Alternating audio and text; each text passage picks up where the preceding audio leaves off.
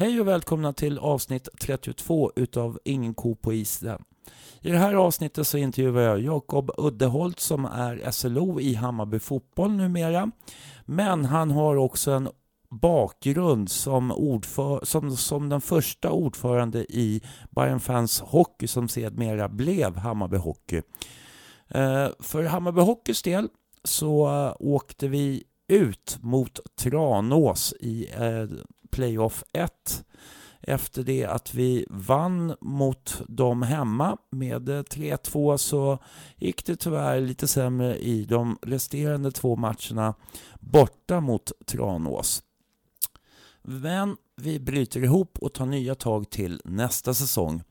Som det är nu så eh, kommer vi att ha ett eller ett par intervjuavsnitt, kanske något panelavsnitt här framöver runt våren. Och eh, det blir något glesare mellan avsnitten. Men eh, tills vidare så skulle jag säga också att eh, ni når mig på stefan at ingenkopoisen.se stefan at om ni vill nå mig eller via vår hemsida ingenkopoisen.se eller då sociala medier. Eh, ja, främst Facebook då. då. Eh, annars så ska jag säga att det här avsnittet och resterande avsnitt är gjorda i samarbete med Bamsingarna Hammarby Hockeys supportergrupp. Trevlig lyssning! One, two, three, four!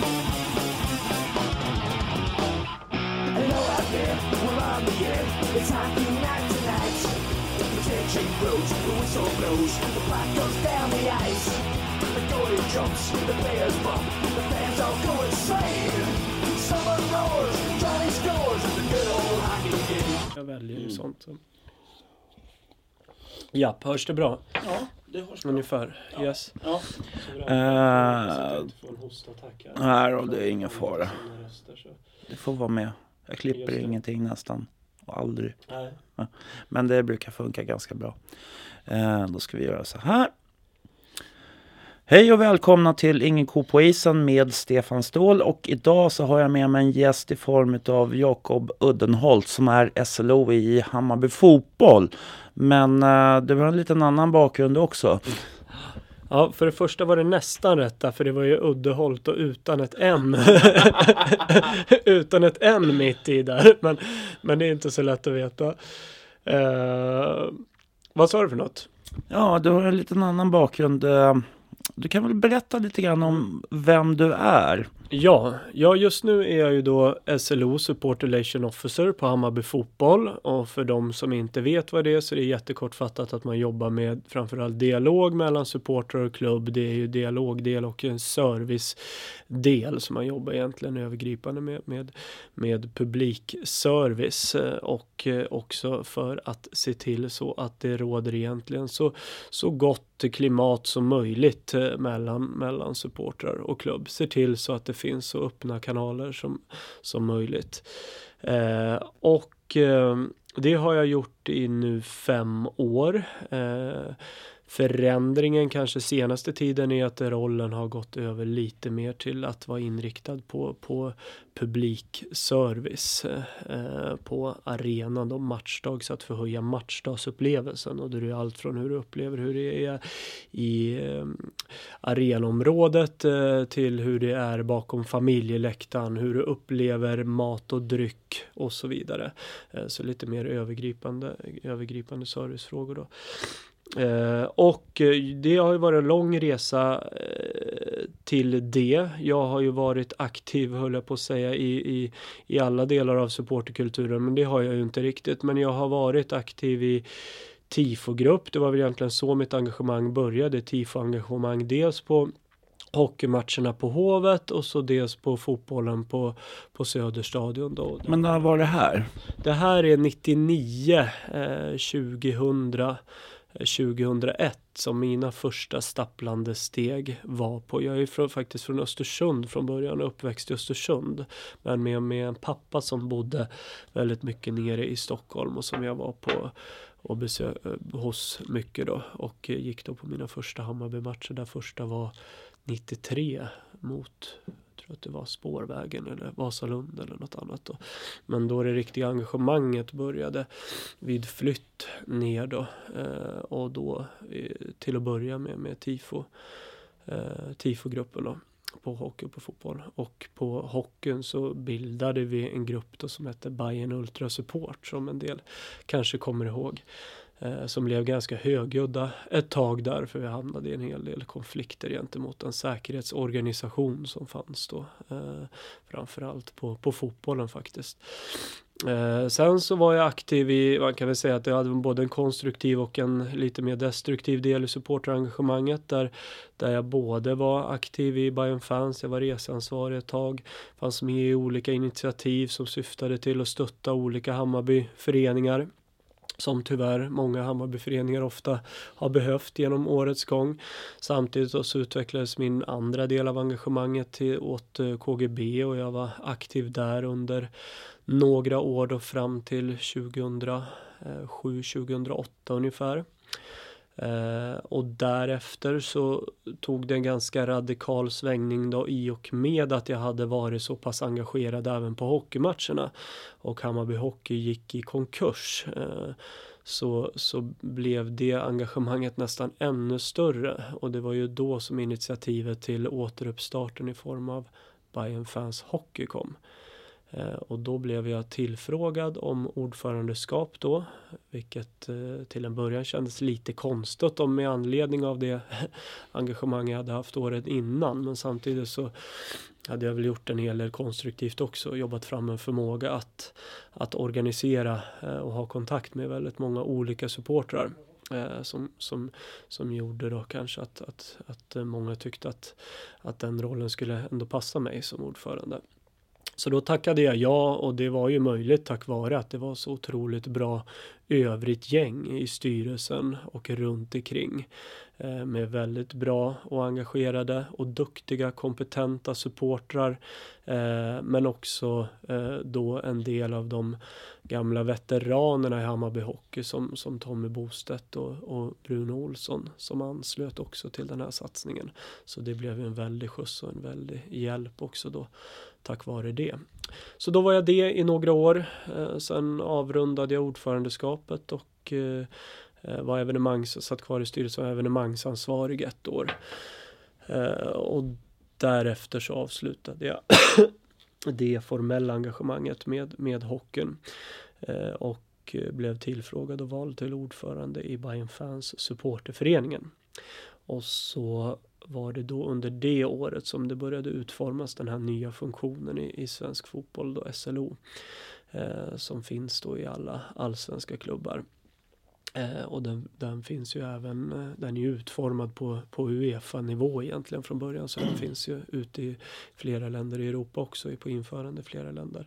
Men då när den kom och aktualiserades och jag tillfrågade om mitt intresse för det så, så kände jag lite grann att det var once in a lifetime chans att få, få göra det man verkligen brinner för och också för att eh, jobba för att kanske de konflikter som man hade varit en del av själv förut inte skulle uppstå i alla fall på samma sätt så som det, så som det gjorde förut. Man kunde se problemställningarna bakom på något sätt? Ja, men lite grann så. Det perspektiv som man själv hade förut kunde man ju ta med sig då och veta vad det är man jobbar med liksom.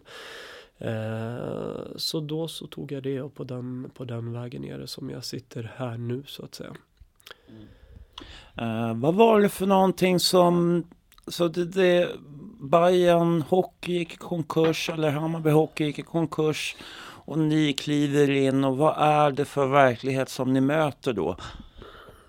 Ja, det är ju en, alltså för det första är det ju en enorm liksom, eh, Eh, alltså vi hade ju en enorm kraft och enormt driv med de personer som kom. Men den verklighet som vi hade var ju dels det faktum att man verkligen får börja om från definitiva scratch och då är det ju, det handlar det dels om att det är det i seriesystemet. Det finns liksom inga dispenser då som gör att det är liksom division 2 man får haka på liksom utan det är från början och i, i, i Stockholm då så var ju det motsvarande sjunde divisionen då som, som den division 4 serien var så att det är ju dels den verklighet som man kliver in i liksom och man inser att det här är ju en en sju jävla resa liksom att göra som kräver en hel del tålamod. Eh, och eh, sen eh, så är det ju verkligheten av att man jobbar då med inte resten av, men att bygga upp någonting nytt men som fortfarande lever i konsekvenserna av det som var. Och det handlar ju liksom om att mm, den klubb som Bayern Fans Hockey var då ska börja jobba med att arbeta upp nya nya kanaler. Det är ju allt från liksom mm, kan vara en sån sak som materialleverantörer som då har haft med ett Hammarby Hockey som gick i konkurs att göra som man då ska liksom få, få på rätt sida om man säger, om man säger så och få med sig och, och, och få att inse att det här är en, ändå en ny förening. Även om syftet är att, att eh, få, få upp liksom hockeyn i, i Hammarby IF eh, eller Hammarby i Bayernland på fötter igen så är det ju ändå en ny förening med, med nya människor som, som jobbar i det. Men för andra aktörer så sågs det lite grann som samma sak och då var, fanns ju givetvis en skepticism och brist på förtroende för, för det att jobba med. Så det var ju liksom två, två tuffa verkligheter på det sättet. Mm. Vad känner ni? Kände ni på något sätt, fanns det någon punkt där det lossnade lite grann? Eller fanns det andra, jag tänker Boost, Tommy Bostedt var med och kanske gav ett visst förtroendekapital. Ja, alltså det skulle jag nog vilja säga. Vi, det, dels så kan man ju säga att det, på, något, på ett sätt så lossnade det nästan direkt i och med att det var sån jävla dynamik i den, i den styrelsen som vi hade och sån kraft eh, med Monica och och Jack och Magnus och, och så vidare. Så att det, det liksom, det fanns, energin fanns där. Sverre och, och, och ingen nämnd, ingen glömd. Vad heter det? Så det fanns där redan från början. Men det är klart att när, när en person som Tommy Bostedt eh, anslöt så, så, så, så blev ju självförtroendet givetvis ännu större. Eh, en enorm tacksamhet eh, över att, eh, att en person med den historiken i Hammarby Hockey och den kunskapen och den positionen i svensk hockey ville ansluta och ville göra det. Bland annat tack vare att han upplevde att vi var väldigt seriösa med det vi gjorde. Eh, och det är väl klart att det blev ytterligare en liksom känsla av att, att, att nu, nu att det lossnar liksom i arbetet och att man kommer igång och det jag pratade om där också att få förtroende från andra aktörer och sånt givetvis växte ju ytterligare. Eh, och det var ju inte bara Tommy utan det var ju, det var ju andra också då som, som Hasse Malm och, eh, och Bruno och Putte och övriga. Mm. Uh, vad var det värsta samt det bästa med att vara inblandad och vara ordförande i Hammarby Hockey? Som du kan titta på idag? Ja, men det, det, det värsta var väl egentligen på något sätt så här rampljuset som blir på att helt plötsligt vara ordförande. Från att man innan liksom har varit i rena High Chaparral höll jag på att säga liksom, men inte riktigt tagit ansvar för någonting liksom, utan tyckt, eh, tyckt väldigt mycket Eh, om väldigt många och om väldigt många olika företeelser. Och man har ju en tendens ibland som, som supporter, i alla fall jag, att man, jag gjorde det enkelt eh, för mig eh, därför att jag inte hade något ansvar riktigt själv, även om jag hade ju det i ja men som i Bayern fans lite grann. Men det var ju liksom inte det yttersta ansvaret på något sätt. Så det var ju första gången som man kom i kontakt med det.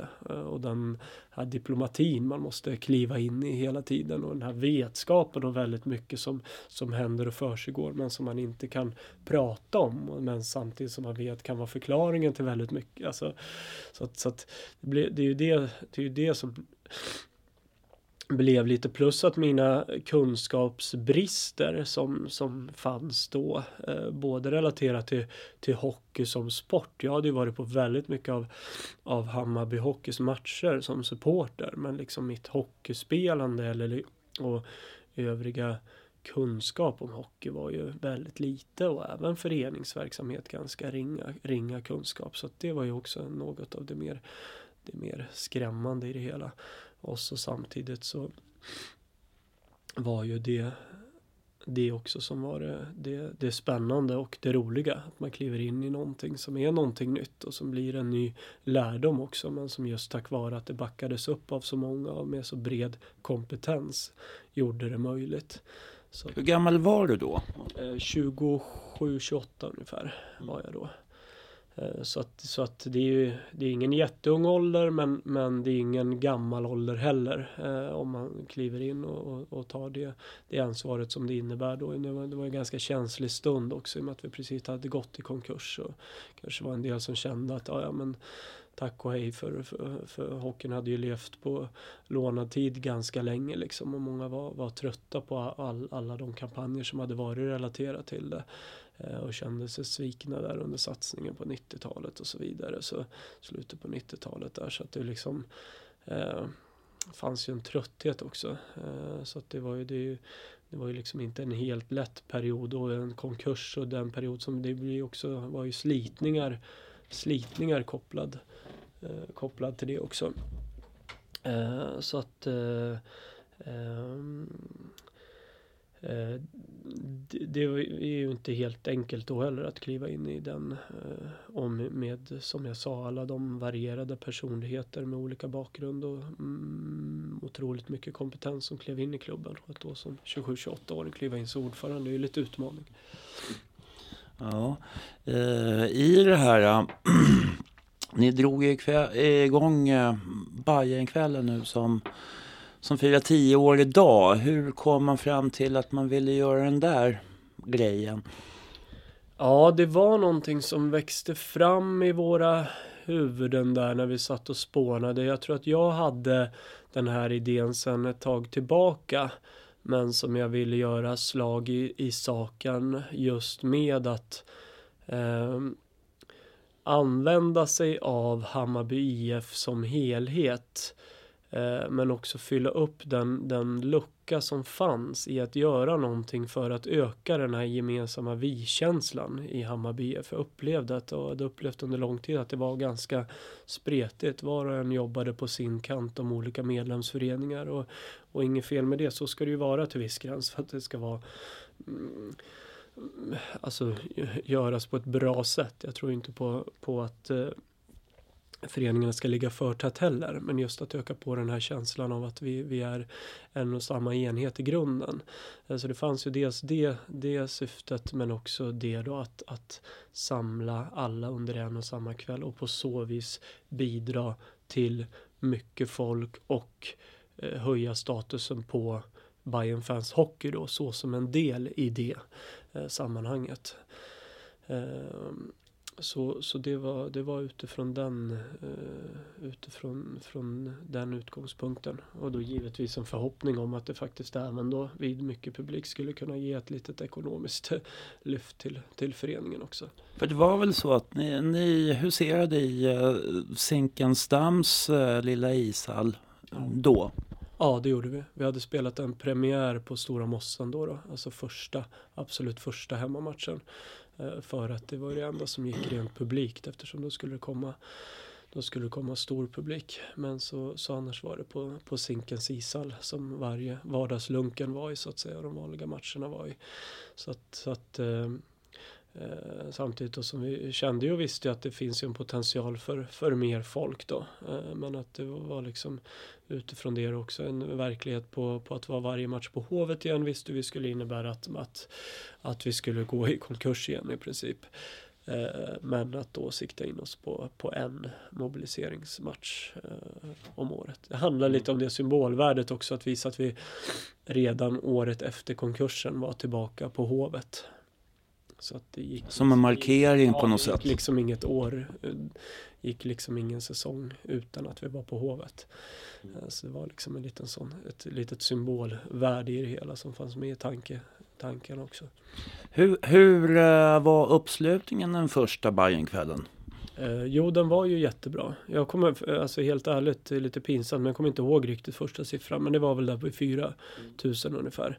Eh, och till, till en början då, så det var inget större tryck i, i biljettförsäljningen. Men ändå så att vi kände, ja men det här kommer bli helt okej. Okay. Men sen blev det liksom sista dygnet som det bara började rycka iväg liksom. Och vi la ju enorm kraft på, på kommunikationen inför det här. Och kommer ihåg hur jag satt och skrev en uppdatering i princip varje dag eh, om kvällen och varje gång det var en eh, nyhet om att en ny eh, Hammarby IF-förening skulle ansluta så var det nyhet kring det. Vi la enormt mycket, mycket fokus på det och som gav utdelning också då. Så vi kände ju det här dygnet innan på matchdag att fan nu, nu händer det grejer liksom. Och det var ju faktiskt fantastisk känsla då.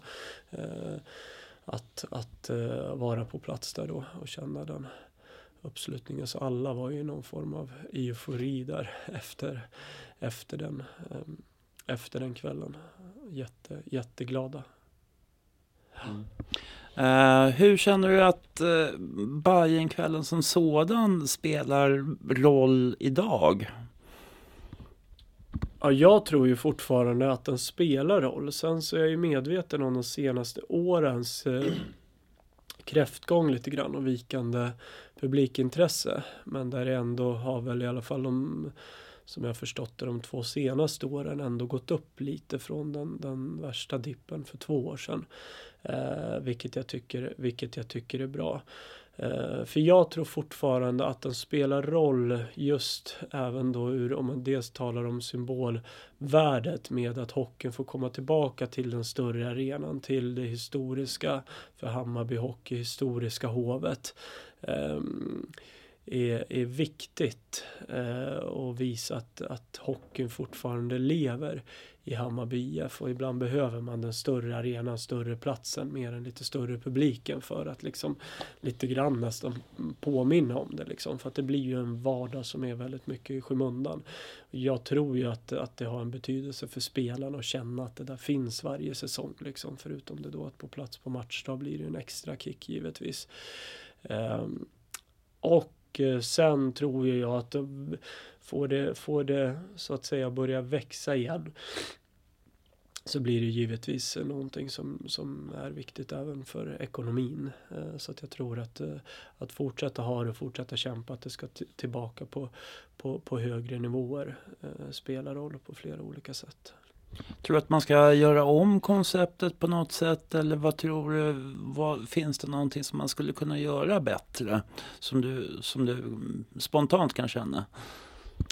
Jag vet inte, det som är, det som är lite problemet är ju dels att själva konceptet är ju liksom inte någon nyhet längre. Så det vet man ju finns där liksom. Men det, det är ju ändå ett väldigt bra koncept eh, att inkludera eh, fler och det tror jag fyller ett tomrum fortfarande i, inom Hammarby IF. Så det, det tycker jag nog man ska fortsätta göra. Sen är det ju problemet lite grann med, med seriesystemet. Eh, hur det är utformat och att man liksom tappar eh, ibland och den här känslan av att matchen verkligen är betyder någonting. Och jag tror något år hamnade det ju liksom där i läget, att, eller flera år har det hamnat i läget att det faktiskt matchen knappt betyder någonting.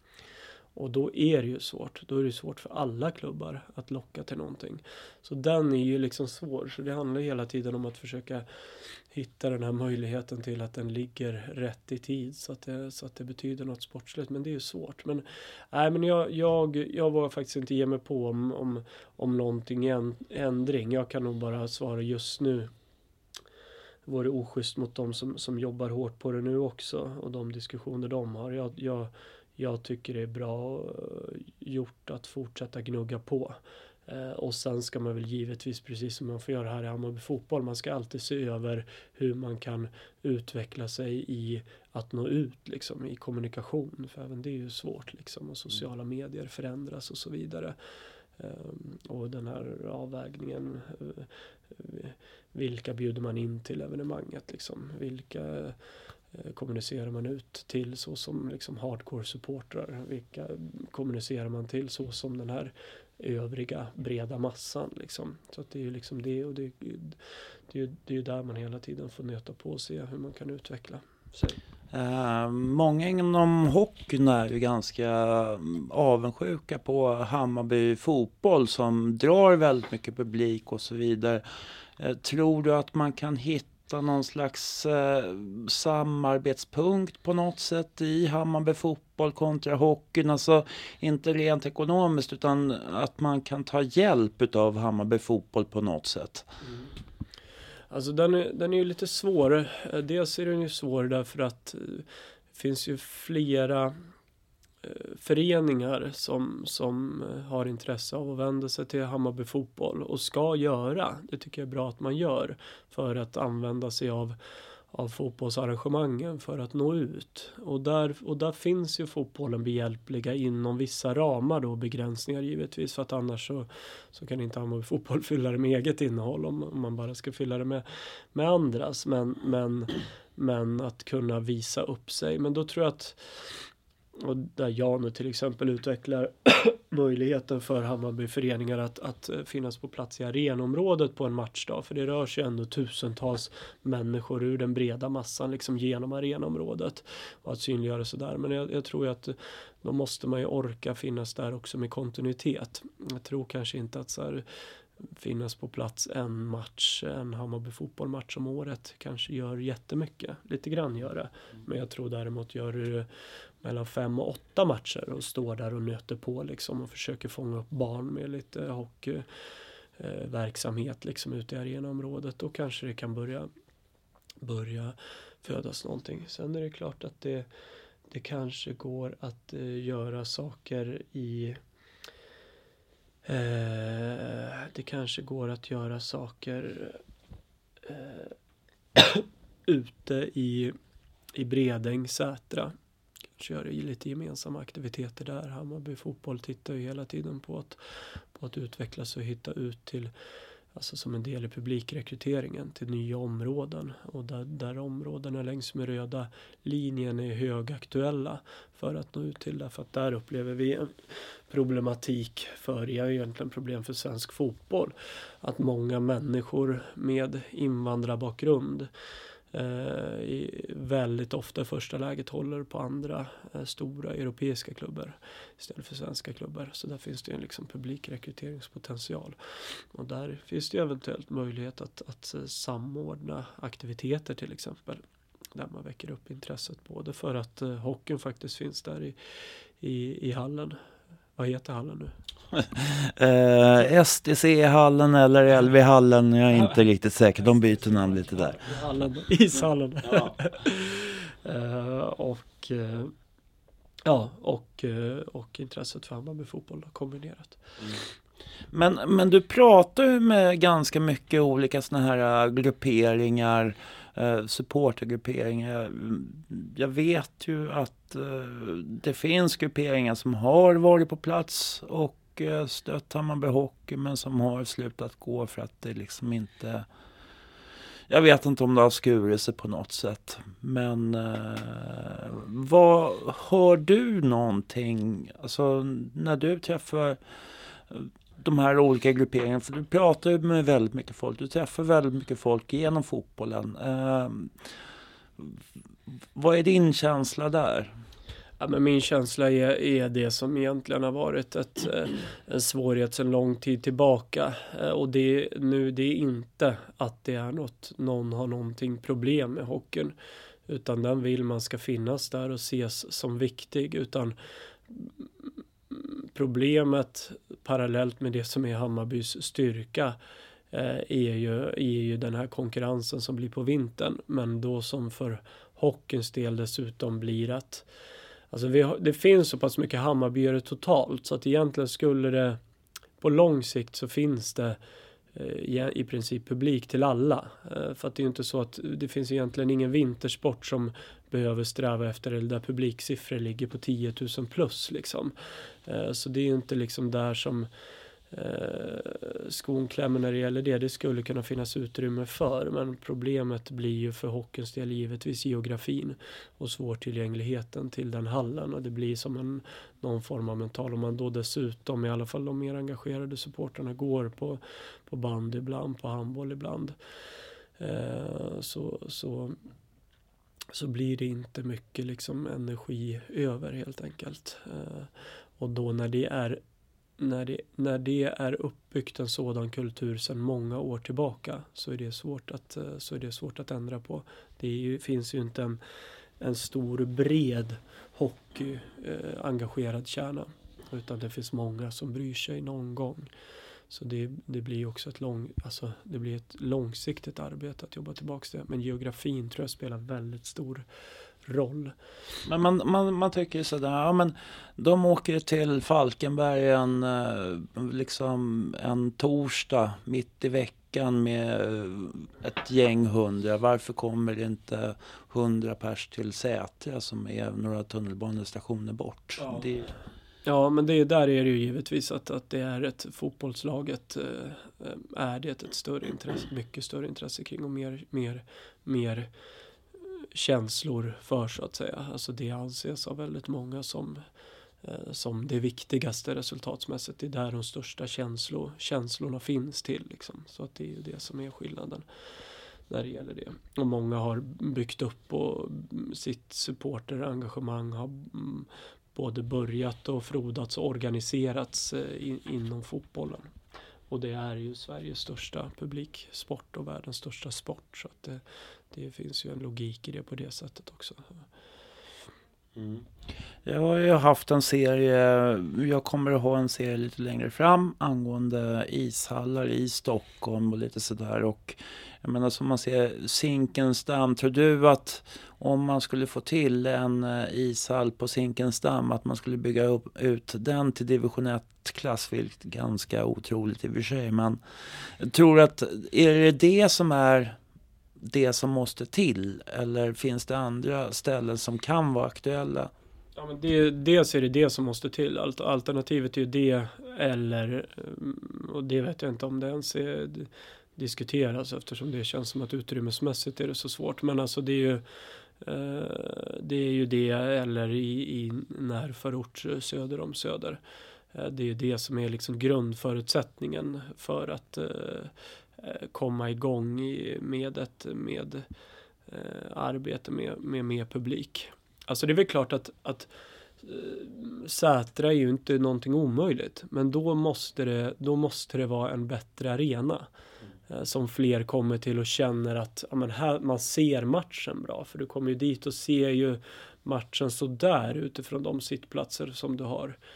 Eh, så att du måste nog komma dit och känna att det är schysstare helt enkelt. För det ska ändå inte underskattas och framförallt inte för att locka dit, liksom locka barnfamiljer till en match. Då måste det ändå vara en okej, okay, okay förhållanden, okej okay service. Eh, och så att det skulle funka där ute om det byggdes en, en bra arena. Eh, för kanske det är liksom att vissa arenor går bara att bygga en bit ut just, just av utrymmesmässigt och då får du ändå till det här med bra parkering och annat och det kanske skulle kunna få fler att, att dra sig dit. Eh, och då kan det väcka intresse från fler människor också och intresserade och människor som bor i ett bredare, vidare område längre söderut i söderort så att säga. Eh, så då skulle det gå, men annars så är det ju en, en arena i närförort söder om Söder. Men då, då kan man kliva in i ett mer aktivt och lite enklare publikarbete. Men även det kommer ju behöva ta tid. Jag tror att initialt och så är det mer att du ökar med, med ett par hundra per match i vanliga serielunken. Det är ju inte att det kommer tusen extra utan det är ett par hundra. Men du har potential på liksom att tre, fyra, fem års sikt öka på med, med tusen per match. Mm, för att eh, jag upplever att om man, om man skulle komma med 100 eller 200 till uh, ut i Sätra eller bara 100 till ut i Sätra och få lite drag på läktaren. Ja. Att, att det skulle hjälpa väldigt mycket. Ja, det skulle det kunna göra. Men, men ändå svårt att hålla i liksom.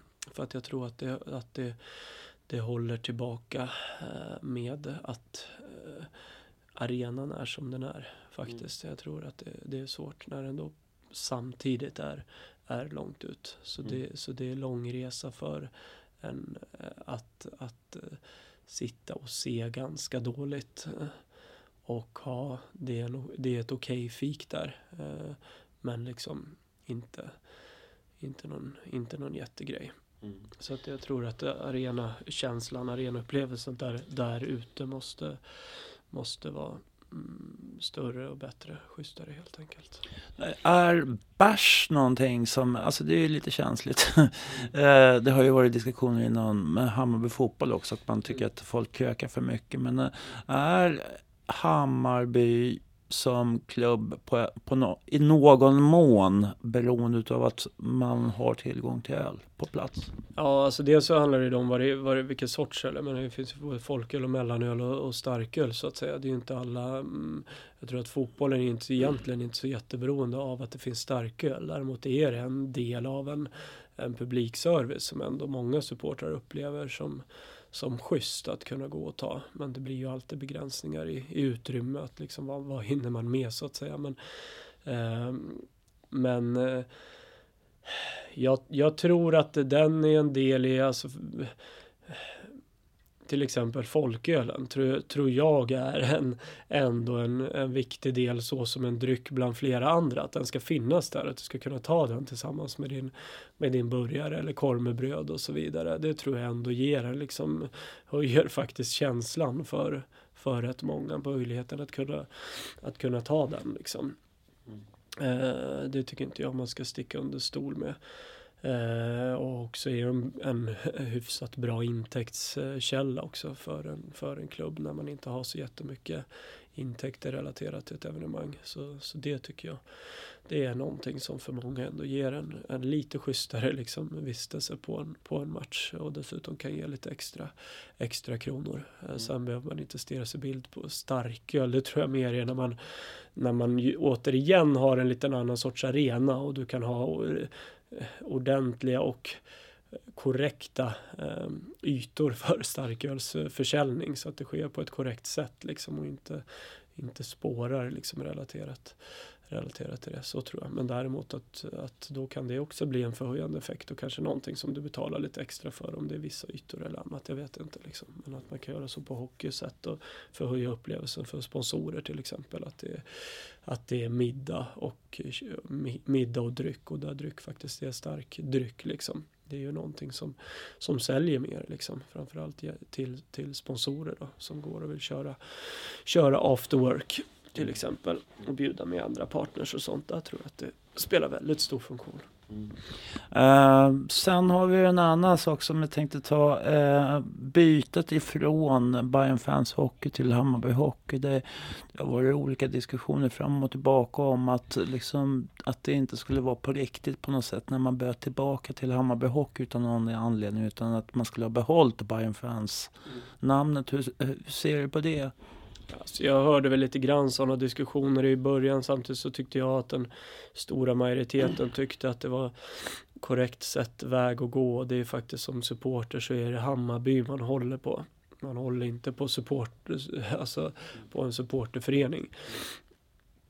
Men att supporterförening, eh, supportrarna fyllde funktionen att, att eh, att eh, bygga upp det igen. Men, så att det, ja, jag kan förstå den synpunkten men jag tror inte att det är någonting hållbart i längden. Och Hammarby och hockey så pass an, har en så pass anrik historia att det, det, jag tycker att det blir för oseriöst att, att fortsätta så för lång tid. Liksom. Det är väl klart att det ska, ska vara Hammarby hockey. Så att det handlar ju om att och, och fortsätta jobba upp det utifrån det faktum att det är det som är den självklara delen av Hammarby IF, ett Hammarby Hockey.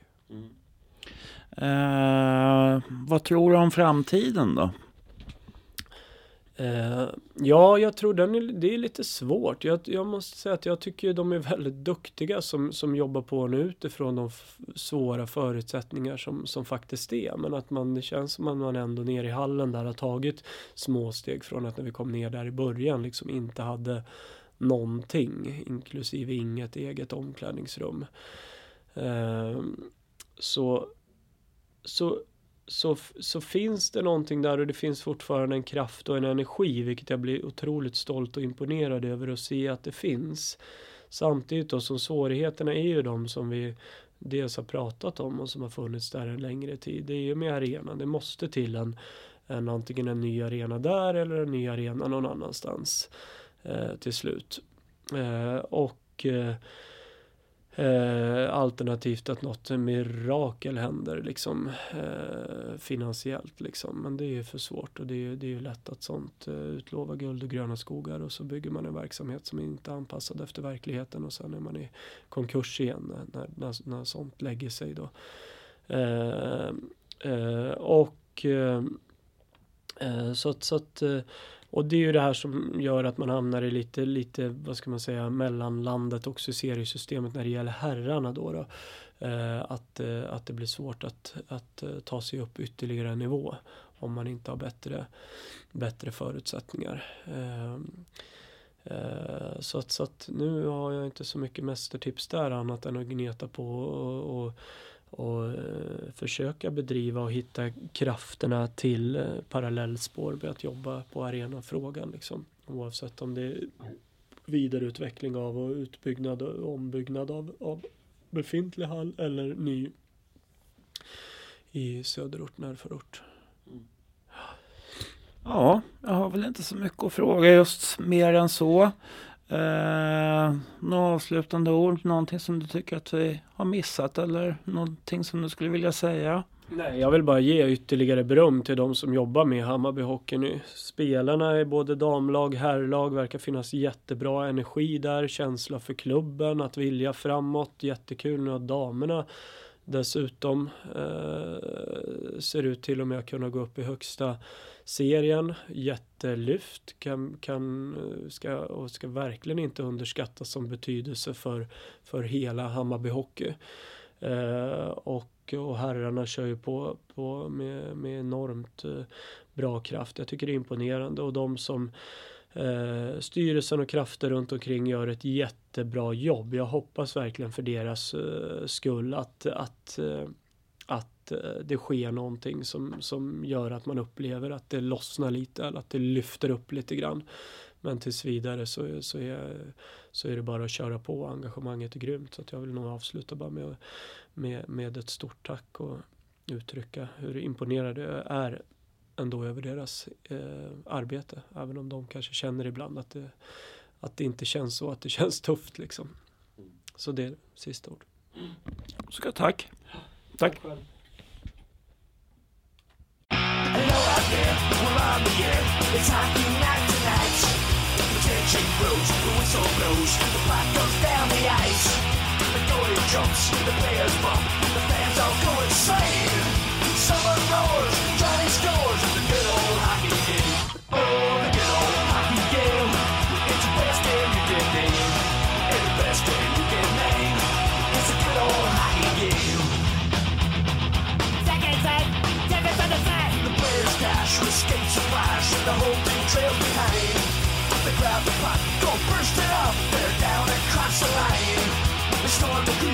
The